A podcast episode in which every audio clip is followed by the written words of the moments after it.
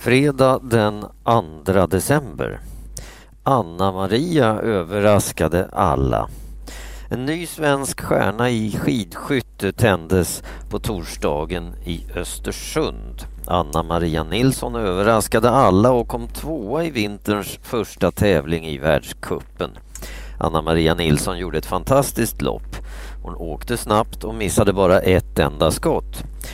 Den svenska favoriten Helena Ekholm hade en tuffare kväll. Hon hade otur med hård blåst när hon skulle skjuta och missade flera skott. Hon kom ändå på en bra sjunde plats. Darja Domracheva eh, från Vitryssland vann loppet. Clinton träffar Aung San Suu Kyi USAs utrikesminister Hillary Clinton har varit i Burma och träffat den världsberömda politikern Aung San Suu Kyi. Tidigare har Suu Kyi fått eh, Nobels fredspris för sin kamp eh, för ett fritt och demokratiskt eh, Burma. I Burma bestämmer en grupp militärer allt. Aung San Suu Kyi har suttit i fängelse för sin kamp för mänskliga rättigheter och demokrati. Länge var hon fånge i sitt eget hem. Hillary Clintons besök kan betyda mycket för Burmas framtid.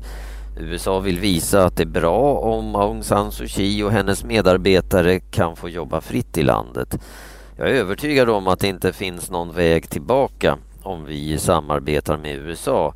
Vi är på väg mot demokrati, sa Suu Kyi efter mötet. EU straffar Iran hårdare. EU-länderna har bestämt att de ska straffa Iran mer än tidigare. Fler personer och fler företag från Iran ska straffas. EU vill straffa Iran bland annat för att den brittiska ambassaden i Iran blivit attackerad. Det hände tidigare i veckan. De människor och företag som straffas jobbar alla med Irans kärnteknik. De kommer inte att få resa in i EU och kan inte komma åt pengar de har på banker i EU. Många tror att Iran bygger kärnvapen med hjälp av sin kärnteknik. Landets ledare säger att de bara sysslar med kärnkraft som ger elström. Finske mördaren gripen. I förra, förra veckan rymde Juha Valjakalla från ett fängelse i Finland. Nu är han fast igen. På torsdagen greps han i Helsingfors. För ungefär 30 år sedan mördade Juha Valjakalla tre människor i Omsele i Sverige. Julbocken brann. Den stora julbocken i Gävle har brunnit. Bocken är helt förstörd. Natten till fredagen tände någon eld på halmbocken.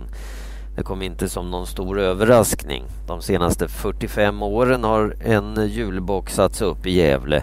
28 gånger har den eldats upp. Kallare väder på väg. Vintern har varit rekordvarm i hela landet. Dessutom har det varit ovanligt lite snö. Fram till den 19 november var nästan hela landet fritt från snö. Det har inte hänt sedan mätningarna började för över 100 år sedan.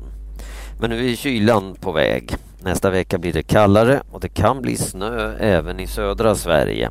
Det kan bli minusgrader och snö i hela landet. Nya strider i Jemen. I många månader har människor i Jemen protesterat mot Jemens ledare. Demonstranterna vill ha ett demokratiskt land. I förra veckan lovade president Ali Abdullah Saleh att lämna ifrån sig makten men protesterna och striderna fortsätter ändå. På torsdagen dödades åtta människor i staden Taiz. Soldater tog sig in i staden för att anfalla presidentens motståndare. Staden kontrolleras av rebeller med vapen. Polis våldtog 16-årig flicka. En 53-årig polis i Stockholm har köpt sex av en 16-årig flicka. Han betalade henne med droger, sprit och pengar. En gång hade han sex med henne när hon var drogpåverkad och inte kunde säga nej. Det säger tingsrätten i Solna som dömer polisen till ett års fängelse. Han ska också betala skadestånd till flickan.